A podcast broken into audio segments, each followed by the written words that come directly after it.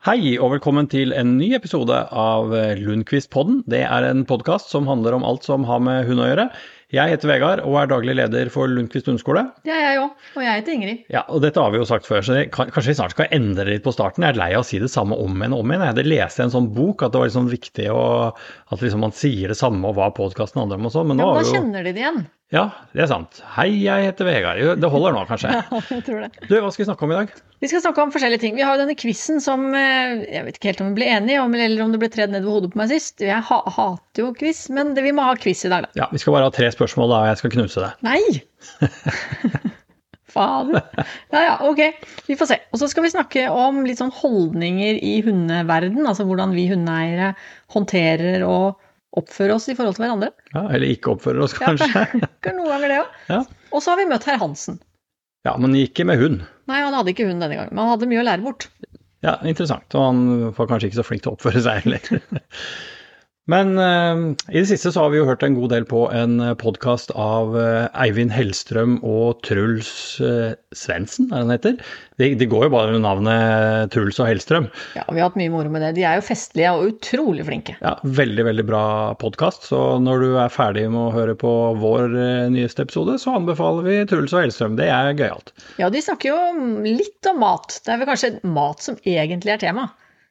Det er det som er litt sånn kult, eh, og det hadde vært spennende om vi hadde fått til noe av det samme med vår podkast, at uh, man trenger ikke nødvendigvis være sånn ihuga interessert i hund for å høre på oss. At det er lett og lystig, og så kommer det en god del gode tips og temaer som folk er interessert i, og så kan vi kommunisere litt på denne Facebook-gruppa vår og sånn, og så blir det noe som er gøy og inspirerende og forhåpentligvis litt lærerikt å høre på. Ja, for vi har jo egentlig ikke vært så flinke til å lage mat, ikke så interessert i å lage mat heller, men vi har jo blitt litt inspirert, da. Vi har lagd mer spennende mat de siste ukene enn vi har gjort før det. Absolutt. Eh, selv om det starta med bare at vi satt og kosa oss på og hørte på denne podkasten. For vi så at her har vi jo, når det gjelder podkastproduksjon, noe å lære. Fordi de har en veldig fin, eh, fin, kjemi. Absolutt, den anbefales. Det anbefales. Og en av de tingene som Truls og Hellstrøm har, det er sånn ukas høydepunkt. Det må vi kopiere. Eh, det kopierer vi. Det kopierer vi rett og slett rått og hemningsløst. Eller vi bare stjeler det og sier at nå skal vi begynne med ukas høydepunkt. De har også De har ikke quiz. De har ikke quiz, og så har de Jo, de har vel egentlig det. Når de prøvesmaker burgere og sånn. Ja, og han er Hellstrøm og smaker forskjell på blindsmaker på urter. Jo, det er en slags quiz. Ja, okay, ja, men uh, vi kan ikke snakke så mye om Truls og Hellstrøm, da, for nå har alle fått med seg det. Ukas høydepunkt var du på. Ukas høydepunkt, ja. Og så har de også sånn ukesmeny. Det tror jeg ikke vi skal begynne med. Nei, Nei men ukas høydepunkt. Jeg tror et av ukas høydepunkter det var at uh, på søndag så hadde vi sesongens siste språkseminar. Ja, språkseminar. Hva gjør vi der egentlig? Det er jo et kurs hvor vi slipper hunder sammen eh, og filmer det. Og så setter vi oss ned sammen med hundeeieren etterpå og går gjennom filmen. Og da er det hundeeierne som lærer om hundens språk? Ja, det er jo først og fremst det er jo målgruppa på det kurset, er jo hundeeierne. At de kan få de får jo litt eh, kursing i forkant, og så jobber jo vi ganske mye å bli, med, bli kjent med, med, hundene. Vi får en god beskrivelse av hver enkelt hund, så vi setter jo opp møter som er bra for hundene. Eh, og så kan vi utfordre hundene litt, som gjør at de må bruke språket sitt. Og så er jo det gøy å gjøre når vi gjør det live, men når vi da kan sette oss ned i et klasserom og ta opp dette på stor skjerm og se noen av møtene i sakte film, se hvordan den ene hunden på en måte lener seg litt fram, bikker øra litt eh, framover, kanskje korter i munnvikene litt, hvorpå den andre legger øra litt bakover og slikker snute, hvor den eh, første hunden igjen f.eks. runder det hele av med å gjespe. Det er ikke så lett å se, for det går så fort. Men når vi kan kjøre ned omtrent i bilde for bilde, så ser vi en del ting som er aha-opplevelser for mange. Eh, og ikke minst så er det en aha-opplevelse å bare se at det skjer så innmari mye som hundene får med seg, som ikke vi klarer å se uten ganske mye trening. Ja, da blir det litt lettere å skjønne også hvorfor akkurat den ene tispa da plutselig freser eller flekker tenner, eller hundeeieren kan ha en følelse av at hun gjør det jo uten forvarsel, uten at jeg klarer å se hva som skjer i forkant. Men ofte så ser vi jo akkurat hva som skjer. Ofte så er hundene flinke til å gi bitte, bitte små signaler i starten, og når ikke de blir respektert, så kommer det mer. Ja, og det gjør jo også at hundeeierne blir Det viktigste er synes jeg, at de blir bedre på å lese hundespråk generelt sett, men de blir også bedre kjent med sin egen hund. Og så føler de seg ofte ganske mye tryggere på hunden sin når de har fått sett eh, hvordan hunden egentlig jobber, f.eks. For, for å unngå ting som er vanskelig. Og så er det gøy med kurs da, hvor hundeeieren skal faktisk ikke prestere noen ting, bortsett fra kanskje å få tak i hunden sin. Da. Det må de gjøre. Når vi har sluppet løs to eller fire eller seks hunder, så må de klare å kalle den til seg, eller lokke den til seg, eller ha en innkalling som fungerer. Men utover det så skal de bare kose seg og se. Jeg tror det er litt godt for hundeeiere. Og så er det jo kjempegøy for oss som jobber med det her. Da. Vi er jo et ganske fast team som jobber med disse språkseminarene. Og noen ganger så må vi jo sette oss ned og lese oss opp litt. Fordi det kommer jo noen hunderaser innimellom som vi nesten aldri har hørt om, og det er jo litt viktig at vi både når det gjelder størrelse og bruksområde og sånn på disse rasene, når vi, selv om vi skal sette opp de første møtene, så må vi Og denne gangen her så fikk vi inn en jakutisk laika, en hannhund på to og et halvt år. Ok, hva slags hund er det? Ja, det tenkte jeg det skulle være første spørsmålet oh, i quizen, eh, tenkte jeg. Så vi kan bare ta det med en gang. Det Jeg er vet da- ikke engang hvordan den ser ut. det er da dyrenes verden, den kategori. Akkurat, Og ja. da tenkte jeg skulle spørre deg om det. Jeg starter, da. Og da blir mitt eh, første Det kom litt brått. Nå rakk ikke jeg forberede meg, men Nei, man skal ikke forberede seg. Du, nei, du har jo levd av det. Vi har lagd en episode som sier at du har jo drevet med det her i over 30 år, så du må vite hva en lakutisk jaika Joika Jakutisk laika Ja. er for noe. Eh, og da tenkte jeg skulle spørre deg om hva er det opprinnelige bruksområdet til jakutisk laika? Jeg vet jo ikke engang om den er 4 eller 20 eller 40 kilo tung. Ehm, Tja, si det. Ehm, det høres jo ut som den har vært ka- Kanskje Gjette, da. Jeg må gjette, da. Kanskje den har vært brukt til noe jakt? Ja, hvilke hunder er det som ikke har blitt brukt til det, liksom? Det, Var det et dårlig svar? Ja, det er, det er juksesvar. Uh, du, tror kanskje ikke det er Det er ikke harejakt, men kanskje det er bjørnejakt? Nei. Det er, eh, den jakutiske laikaen er opprinnelig en, en slags polarhund fra Sibir, som har blitt brukt aller mest som trekkhund og kløvhund, men også litt til jakt. Da. Så du får eh, et kvart poeng kanskje for det. Fart! okay, Hvor stor er den? Den er på størrelse med Den ser egentlig litt ut som en Alaska malamut, syns jeg. Bare at den har litt mer tegninger, litt mer svart og sånn i pelsen. Kanskje litt mindre. Tipper kanskje han var rundt 40 kilo. Ok, hm. Da har jeg lært noe nytt. Ja. Trekk og kløvhund. Ja. Litt jakt. Og litt jakt, og litt sånn alt, alt mulig, tenker jeg. Men en stor, kraftig hund da, som kan brukes til, til trekk. Det ikke så mye poeng på meg på det, da, kanskje. Nei, men ja, veldig fin hund. Ja, Ordentlig god akkurat. og vakker og snill og, og grei hund. Eh, Så det var ok, da er vi i gang med Det var det høydepunktet. Skal vi bare fullføre quizen da, når vi først er i Ja, gang? da må jeg ta to etter okay. hverandre. Ja, ok. Ehm, jeg tar en hundesportspørsmål, jeg. Det er en hundesport som heter IPO. Vet du hva IPO står for? Mm, Du har hørt det før. Ja, jeg vet, jeg vet det, hva de driver med. De, de, de driver med sånn beskyttelse og skylds og lydighet og spor og sånn. Ja. A, B, C-klasse. Eh, Hva står IPO for? i, ivrig Nei, pålitelig Nei, jeg, jeg aner ikke. Ivrig, pålitelig og organisert. Nei, hva, nei jeg, jeg veit ikke. Det står for International Prüfungsordnung. Altså, at det var International Pru, eller Pry da, for det er sånn U med tødler, det er tysk.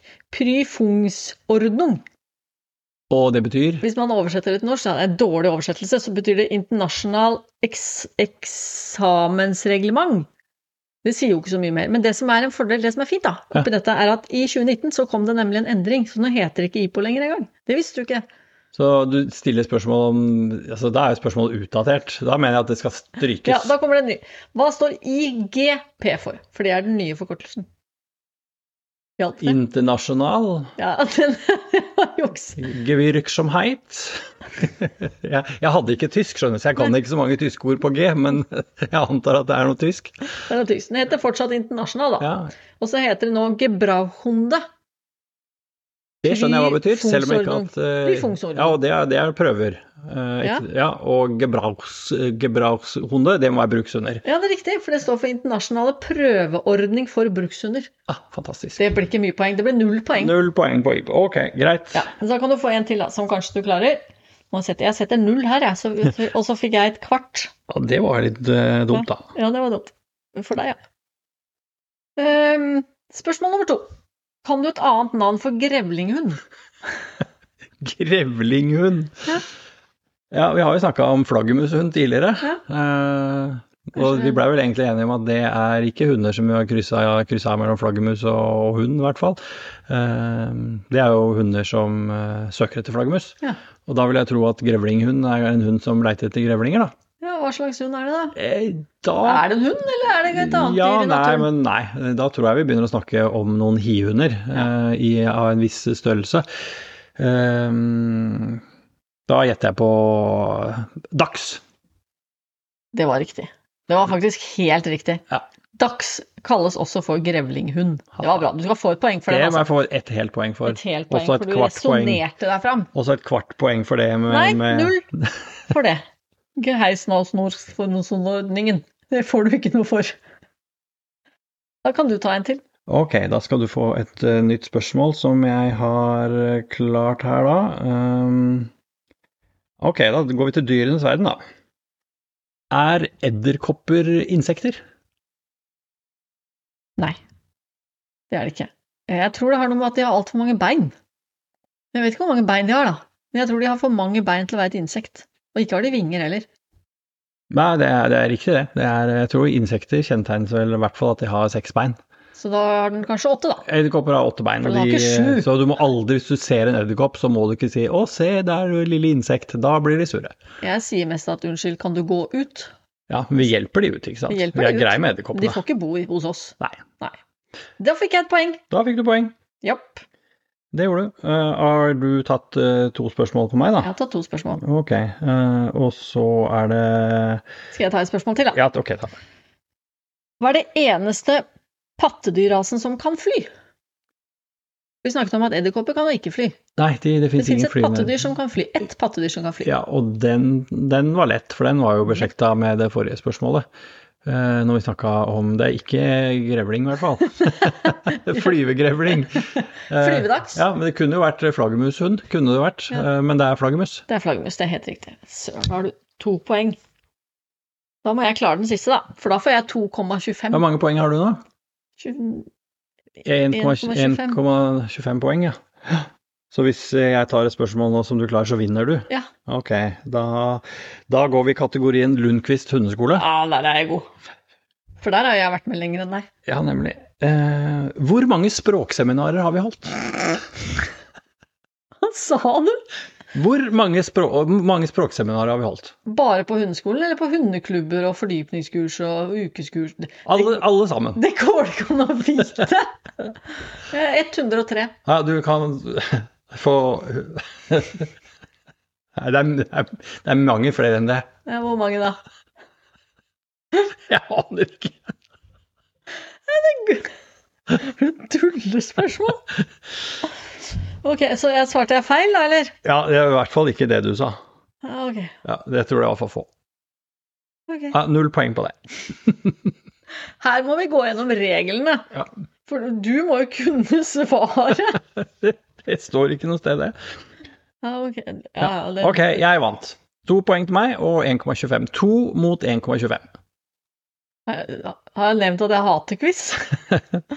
Ja, men vi må diskutere regler før neste gang. Ja, Altså. ok, Vi kan lage en ny quiz en annen gang, da. Du må, så, du må øh, kunne svaret. Må jeg kunne svare? Ja. men Det er jo helt umulig å Det vite er i hvert fall det åpenbart at 103 er feil. Det er det. Ja. ja, det er feil. Ok, ja. Det var quizen for i dag. Ok, vi var inne på ukas uh, høydepunkt. Ja, språkseminar og den derre Laikan. Sånn var det Ja. vi kom i gang med quizen. Men så har vi hatt et høydepunkt til, da. Det har vi, for vi har kjøpt ny båt. Det vi har har solgt båt, det var ikke et høydepunkt, men det var liksom greit å få gjort, da. Ja, men det tok kjøpt- litt lang tid mellom da vi solgte den gamle båten og at vi klarte å få tak i en ny. Det er helt riktig. Men vi fikk, tak i en fint ny. vi fikk tak i en ny, og den fikk vi transportert til eh, Den ble levert til Moss på en lastebil fra Stavanger. Ja, og den ble levert på eh, Moss eh, seilforening sin eh, marina, hvis jeg ikke husker feil. Det ble ja, helt riktig. Og vet du hva? For å få lov til å legge den ut der, så måtte jeg bli medlem i seilforeningen. Så jeg er medlem i en seilforening, jeg. Wow. Men vi har ikke seilbåt. Nei, og jeg kommer aldri til å ha det heller, men jeg kan lære deg litt om seilbåt. Ja, en da, quiz en ja, ok, vi tar det, tar det litt sånn seilspørsmålsrelevante relaterte spørsmål neste gang. Da, Ja, de kan jeg ikke svare på, men Nei. det er visst noe Det er syrbord og babord og, og sånn. Ok, ja, Den ble satt ut i Moss, da. Ja, og det var jo en, en eh, ganske interessant eh, opplevelse. Vi har jo snakka tidligere om, eh, når vi snakka om flytende atferder og lære nye ting og sånn, at eh, jeg sleit jo litt med å drive og legge til den gamle båten. Når det var litt vind og strøm og sånn, så er det litt krevende. Men etter hvert som man har trent mye, så begynner det å gå ganske av seg sjøl. Og så fikk vi ut av denne nye båten, som er eh, litt større enn den gamle. Eh, ikke sånn kjempemye større, men det, er greit når vi har to hunder, så, så, så, og ikke minst med Milo, så trengs det litt plass i båten. Så, men når vi fikk senka den båten ned i vannet og fikk starta motoren og alt sånn, og klarte å dra, så dro jeg i gassen, jeg, omtrent sånn som jeg pleide å gjøre med den gamle båten, men det var feil. Da så det ut som du hadde tenkt å ta sånn fart over brygga på veien ut. det fungerte litt annerledes, og jeg bare gjorde det jeg pleier, og det fungerte veldig dårlig. Men heldigvis så redda vi inn den da, uten at vi ødela verken egen båt eller andres båter. Men jeg skjønte jo fort at her kreves det jo litt trening. Jeg kommer sikkert til å bruke hele sommeren på å venne meg til at båten både har blitt større, og den har blitt tyngre, og den eh, reagerer ganske annerledes enn det jeg er vant til. Men det er det som er fascinerende når noen atferder er på flyt. Det tar ja. lang tid å endre det. Ja, og sånn er det med hunder også, som har fått seg innimellom noen dårlige vaner, som vi innimellom kan kalle atferdsproblemer, eller kanskje bare sånn irriterende uvaner. Og så vil vi helst at hunden bare skal slutte med det. Men når ting har blitt vaner, ting har blitt bearbeida og automatisert, så kreves det en god del trening for å endre på det, da. Ja, Så vi skal trene, da, i ja. sommer. Ja, så det, da fikk vi kobla den der båtturen til uh, hundetrening i hvert fall ganske fort. Ja. Um, og så kom jo, vi kom jo oss ut Der har de en veldig sånn fin molo. Uh, heldigvis, fordi det blåste ganske bra, og det blåste faktisk rett på land. Uh, det syns jeg ja, det er ikke så gærent når du skal ut med båten, da. Men, uh, og så kommer vi på utsiden av den moloen og får kjørt litt nedover, og da er vi jo på en måte i fergeleiet der hvor Bastøferja går. Eller Bastøferjene, vil jeg egentlig si, for det går jo sånne svære Det går hele tiden. Ja, fram og tilbake og fram og tilbake. Og det blåser litt, og det er litt sjø, og vi tenkte vi bare skulle sette kursen sørover mot Fredrikstad. Men vi kom ikke så innmari langt. Vi kom vel sånn eh, halvveis ut i ferjeleiet der før motoren begynte å fuske. Den fuska skikkelig og stoppa. Og det blåste ganske godt. Og da, det som er da, når det blåser sånn, så blir man jo ofte liggende sideveis i bølgene, da. Det er jo litt ustilig. Det var veldig ustilig. Eh, det er ustilig av flere grunner. Altså, det er aldri noe kult. Eh, jeg tror alle som har kjørt båt, veit hvordan det er å på en måte få motorstopp. Det er klart at Er man i en eh, liten båt hvor man har noen årer og bare kan sette seg ned og ro, så kan man bare si å nei, nå må jeg ro hjem. Men det er litt verre når båten ikke er liksom beregna til det. da. Fordi da driver det mot land, og du driver ganske ukontrollert uti der hvor det går ganske store ferjer som går inn og ut hele tida. Så det var, det var, skikkelig guffent. Det som er godt å kjenne på, midt oppi dette, da vi skal snakke mer om hvor kaotisk dette ble, men i og med at vi har med oss to hunder om bord, så er hundene er godt trent på å si at når vi legger til, eller når vi går ut fra steder, så ligger de nede i kabinen, og så drar vi igjen skyvedøra, sånn at vi i hvert fall ikke går og tråkker opp i bikkjer når det er tau og fendere og anker og ting. Så de ble bare pekt pent ned dit og si at nå må dere gå ned dit og legge dere, for nå trenger vi litt eh, armrom her. Ja, og heldigvis så blåste det i hvert fall. Altså, det var guffent nok da, å blåse liksom ganske fort eh, i retning av land. Der var det jo bare stein og, og fjære. Du har helt sikkert lyst til å være der, men vi blåste i hvert fall vekk fra, fra ferjene, eh, heldigvis. Og da, ja, når vi fikk trukket pusten et par ganger og sett på hverandre, så ok, du får ikke starta motoren, du blåser rett mot land, da er det bare sjekk dybden, og så få ut et anker. Det, det klarte vi jo. Ja, og det ankeret det tok litt lang tid før det festa seg, men når det først fester seg, så er man jo ganske trygg, da. Det er jo ikke akkurat eh, en drømmesituasjon å ha hivd ut i det ankeret noen, noen hundre meter fra ferjeleir, men da ligger man i hvert fall stille. Og da er jo det neste man kan gjøre, vi testa jo motoren flere ganger, vi ringte denne tidligere båteieren og fant er det noen kraner vi har glemt eller noe, det var det jo ikke, så da må man ringe en venn. Og ja. i denne situasjonen så er det jo Redningsselskapet som er vår nærmeste venn. Og de er jo fantastiske. Ja, det må jeg virkelig si. Det var en eh, god opplevelse. Jeg har aldri brukt eh, Redningsselskapet eller redningsskøyta før, men det ligger jo klart eh, telefonnummeret ditt i båten. Og de bare spør hva det er, og de spør hvor mange vi er i båten, og vi sier at vi har hunder, og det er så hyggelig, sier de. Og de er jo så rolige at du nesten blir provosert, men det er veldig behagelig å ha med dem å gjøre, da. Og så får man oppgitt en posisjon hvor man befinner seg, og så sier de at ok, så bra, vi er hos dere om ca. 12,5 minutter, sier de. Og så kommer de kjørende. Og i en sånn situasjon, da, vi er jo litt sånn forskjellige, Vegard og jeg, men en av de tingene som først kicker inn hos meg, er jo at hva kommer disse redningsselskapsstaute menn og kvinner til å synes om oss? Jeg hater, enda mer enn quiz, så hater jeg å føle meg dum. Det er noe av det verste jeg vet. Og jeg hater å få kjeft. Og jeg ser jo for meg at her ligger vi med en motor som vi har eid i akkurat 45 minutter, og ligger på anker halvveis ute i fergeleiet. At det er kanskje ikke noe man får så mye skryt for, da, i hvert fall. Og det er liksom den første følelsen som kicker inn hos meg. Ja, og vi fikk jo ikke noe kjeft da. Da kom redningsskøyta, og den var jo merka med frivillig mannskap, tror jeg sto på den skøyta. Det er jo helt fantastisk. Det er nesten litt sånn norske redningshunder, tenker jeg, ute på sjøen. At der er det Det er ikke alle som er frivillige, det finnes jo noen i Redningsselskapet som har det som jobb, men veldig mange av de som jobber på disse redningsskøytene, de har jo dette som, som en sånn De jobber på frivillig basis og står i beredskap og hjelper folk eh, ute på sjøen. Ja, og de var fantastiske. De skrøt av redningsvestene våre, for de sto det Redningsselskapet på, da. Ja. det var jo flaks akkurat da. De skrøt av redningsvestene, og så på innsiden av den skyvedøren ned til kabinen, så den er jo i sånn gjennomsiktig glass, der sto det jo to border collie-tryner. Så bare 'Å, har dere border collie? Så hyggelig, og så flinke de er'. Så de klarte jo å skryte av oss. Det var ikke noen som var nedlatende eller, syns, eller fikk meg til å føle meg dum, og det var ingen som kjefta. Så tommel opp til eh, Redningsselskapet og den redningsskøyta som kom i hjelp oss den dagen. De var superproffe eh, og hyggelige og oppførte seg ordentlig, selv om vi sikkert eh, ja, Vi var jo mest uheldige, da, men pytt, pytt. Så de hjelper oss til land. De får hekta oss på og sleper oss opp i den Var det hvor de havna? Den der kanalen som ligger mellom Moss, Moss. og Jeløya? Ja. Moss, Moss gjestehavn. Gjestehavn, ja. De, de, dro oss opp dit, og da fikk man liksom senka pulsen litt, og så prata vi litt. Og de kom med et par enkle råd. De er jo liksom ikke de skal jo ikke reparere båter, de står ganske klare da til å bare stikke av gårde redde noen andre. og redde noen andre som uh, trenger hjelp. Men vi, vi, fikk noen tips da i hvert fall om å sjekke om det var bensin på tanken. Det visste vi at det var, men uh, som han ene sa, at den der nye bensinen som er sånn tema, den der E10-bensin, den er det jo en del uh, etanol eller alkohol i da, som kan føre til at du får en god del sånn væskedannelse i bensinen. I hvert fall hvis den har ligget kanskje over et år eller lenger. Det er jo plass til litt bensin på en sånn tank. Ja, så De tipsa oss om å fylle opp tanken og la dette her blande seg, og prøve en i morgen. Og dette var litt på ettermiddagen, så vi bare fortøyde i brygga vi og fant fram maten. Eller først så fylte vi opp tanken og gikk en lang tur med hundene, og så lagde vi oss noe god mat og sov i båten. Ja, Og så starta vi båten dagen etterpå, og da hadde jo han fra Redningsselskapet helt rett. Da starta motoren eh, på første slaget, den, og maler som en katt. Ja, ny dag, nye muligheter. Tommel opp. Vi er på vei til Fredrikstad. Ja. Eh, vi var jo litt eh, Hadde jo erfaringen fra gårsdagen i bakhodet, så vi kjørte da litt lenger nordover først, på innsiden på en måte av Moss og Jeløya, og kjørte litt sånn rundt og rundt og rundt, før vi kryssa ferjeleiet. Ja, så vi putter deg litt rundt oppe i, havnebassenget i Moss der. Og alt virka fint, og vi ga litt gass og kjørte, og det bare maler sånn som det skal. Og da setter vi skuta sørover da, og skal ned denne kanalen igjen mellom Jeløya og Moss.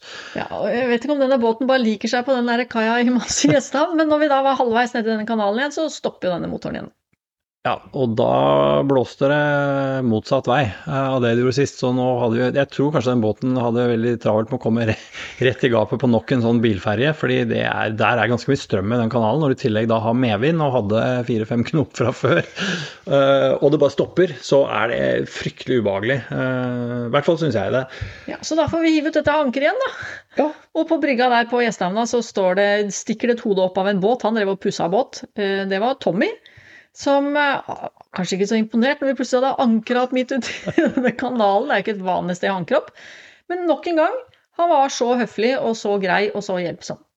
Ja, og verst at han sto jo bare og pussa på en båt, så han løp jo ned til båten som lå nedafor. Eh, ganske stor båt, og bare kan fortelle at noen har fått motorstopp i kanalen. Eh, vi må opp og hjelpe dem.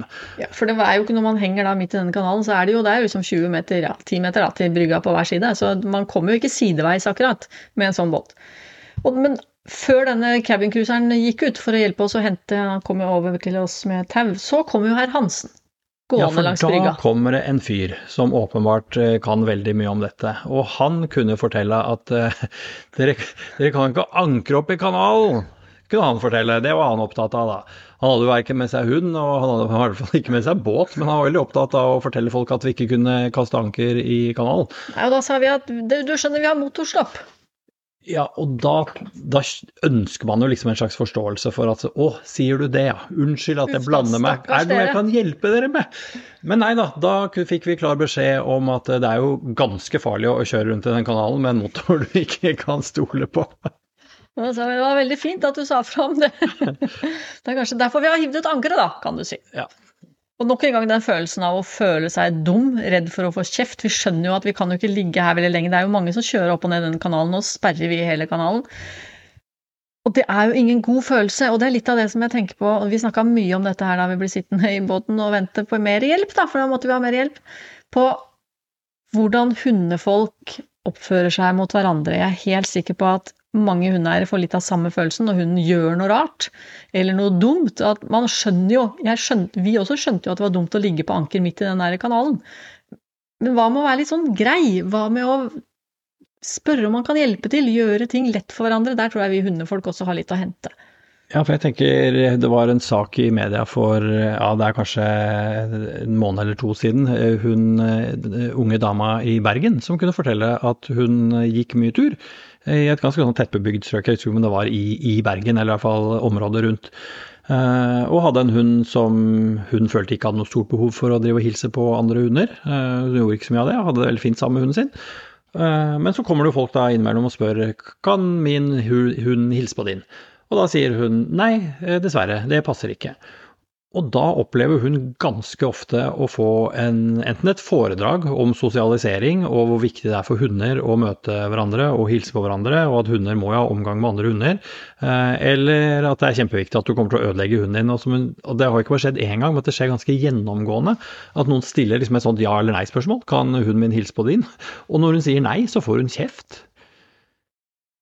Det tenker jeg eh, Sånne ting eh, blir jeg litt sånn opprørt av. Det handler om, altså I motsetning til eh, båtfolk, da, som eh, kanskje ikke alltid, men ute ut, på sjøen så er det jo en sånn kultur for å, å hjelpe hverandre og være hyggelig og, og oppføre seg med, med, litt sånn stil. Og det vi snakker om her i Bergen, er jo nøyaktig det motsatte. Ja, da gjør man jo ting bare vanskelig for hverandre.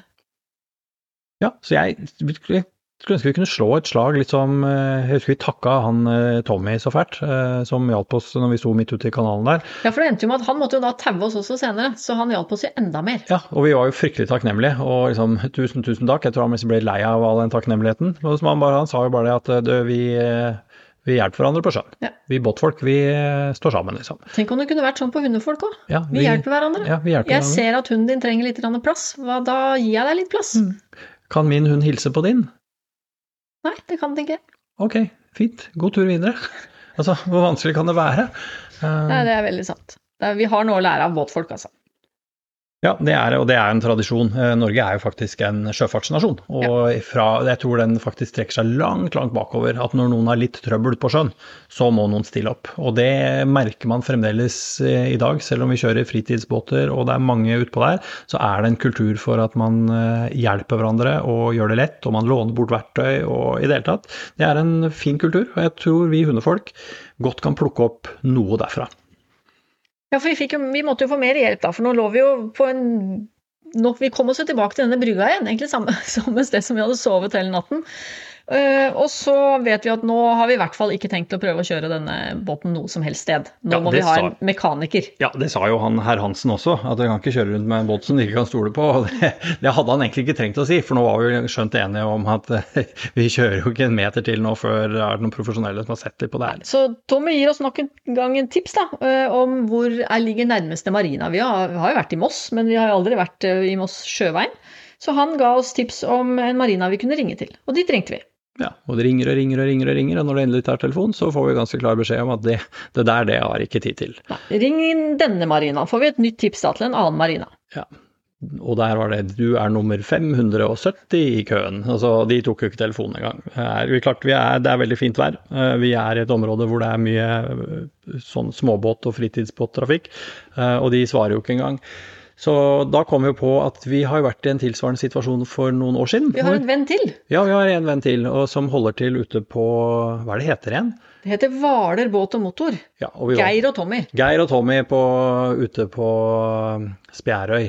Vi var ikke akkurat på Hvaler, da, så det var litt langt unna, men vi tenkte at de, vi ringer dit. Ja, For de har sikkert noen tips om hvem vi kan snakke med. Ja, og da er vi tilbake til der igjen som, som vi kanskje ønsker oss litt. Grann, da, den der feelingen når da får Jeg er faktisk litt usikker på om vi snakka med Tommy eller Geir, men de er veldig hyggelige begge to. Og du hører at han som setter seg godt til rette.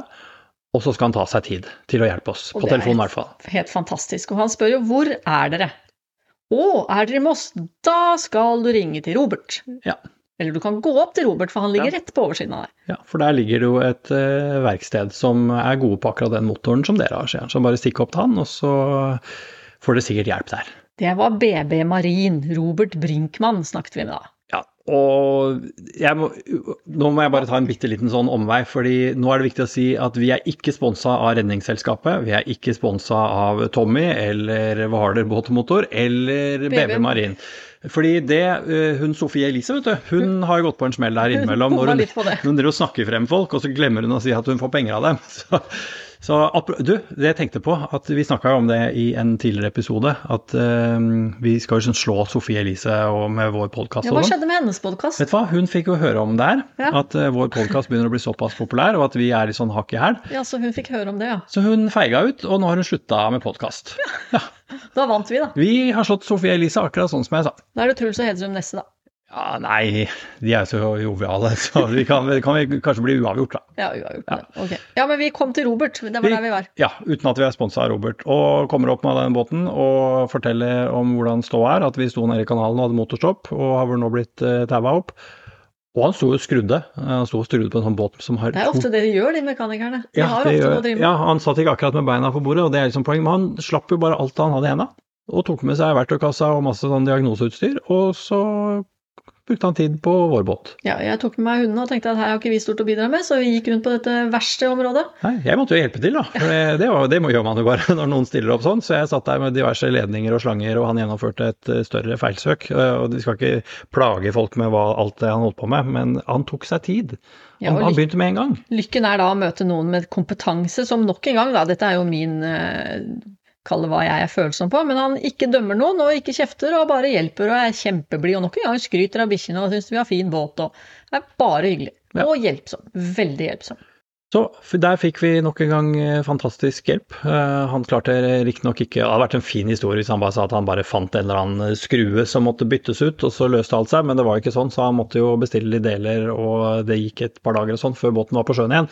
Men poenget eh, Dette er jo ikke en båtpodkast, vi snakker jo om hund, men denne kulturen for å hjelpe hverandre, det å gjøre ting lett for hverandre, det å vise ordentlig god folkeskikk og sånn. Mange hundefolk gjør jo det, men jeg tror allikevel vi har noe å lære av denne kulturen. Absolutt. Båtfolk hjelper hverandre, og jeg syns det er en sånn Hundefolk bør også hjelpe hverandre. Ja.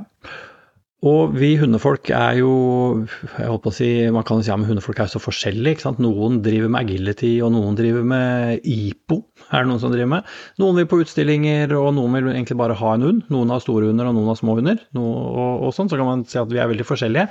Men det er jo båtfolk òg. Det er jo bare vanlige mennesker. Ja, og det er jo ofte sånn at vi hundefolk gjør det vanskelig for hverandre. Eller at de som ikke har hund, gjør det vanskelig for hundeeier også. Sånn at det er jo hundeeiere får jo svi litt innimellom. Det- Sikkert sånn, Vi bor jo i Ytre Enebakk, som sagt. og hva skjer i Ytre Enebakk når den første snøen er kommet og det er kjørt skiløyper?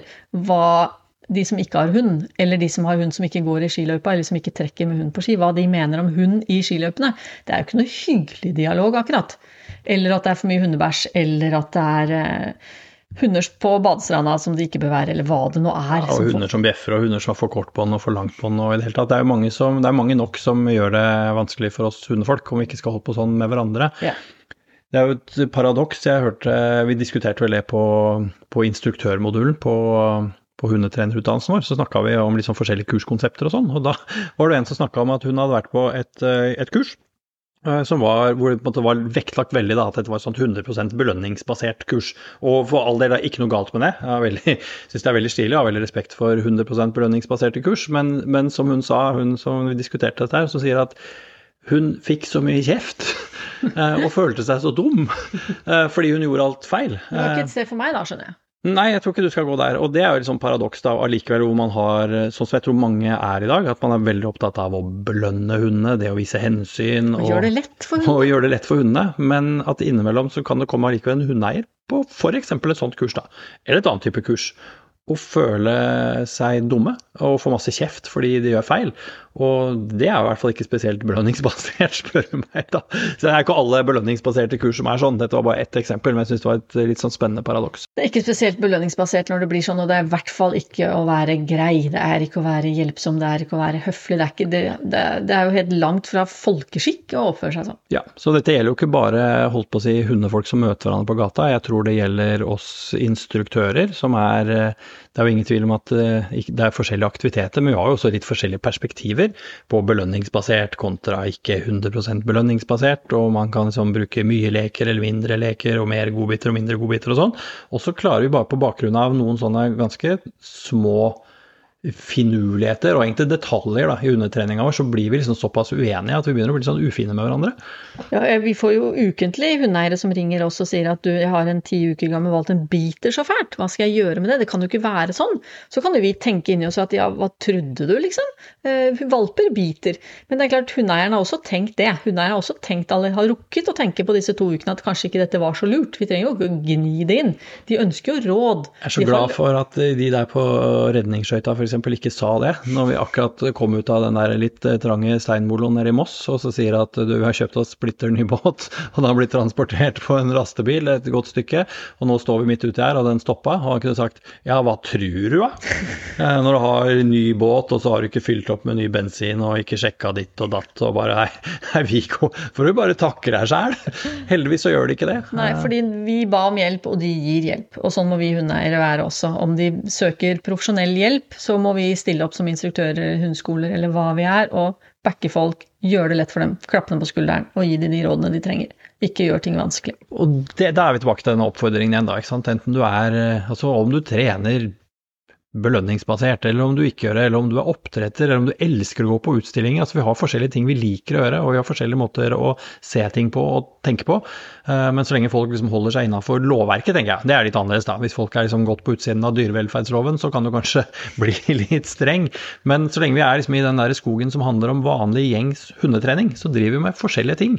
Men selv om vi gjør ting litt forskjellig, og selv om vi er interessert i forskjellige ting og opptatt av uh, forskjellige typer sporter og sånn, så kan jo være blide og hyggelige og si at vi hundefolk, vi hjelper hverandre. Ja, det gjør vi. Det må vi begynne med. Det må vi begynne med. Ja, så om uh, ti år, når noen sier at jeg hadde et annet uh, trøbbel med hunden min Så jeg, jeg, kom bare på et eksempel til som jeg hadde på, på, blokka mi her. Det er sånn når det står på Facebook at uh, noen har vært uheldige, og så har lille Fido eller prins eller noe sånt har løpt sin vei. Ja, for det, det, legger man ut i nabolaget, ikke sant? At, ja, for kanskje noen har sett prins? Ja, har noen sett prins, så er det en liten brun Yorkshire terrier. Og hva sier da herr Hansen? Hadde det vært lurt å ha han i bånd, kanskje? Ja, og kanskje begynne å trene litt innkalling. Ja, ja og, Du vet at det er båndtvang, eller?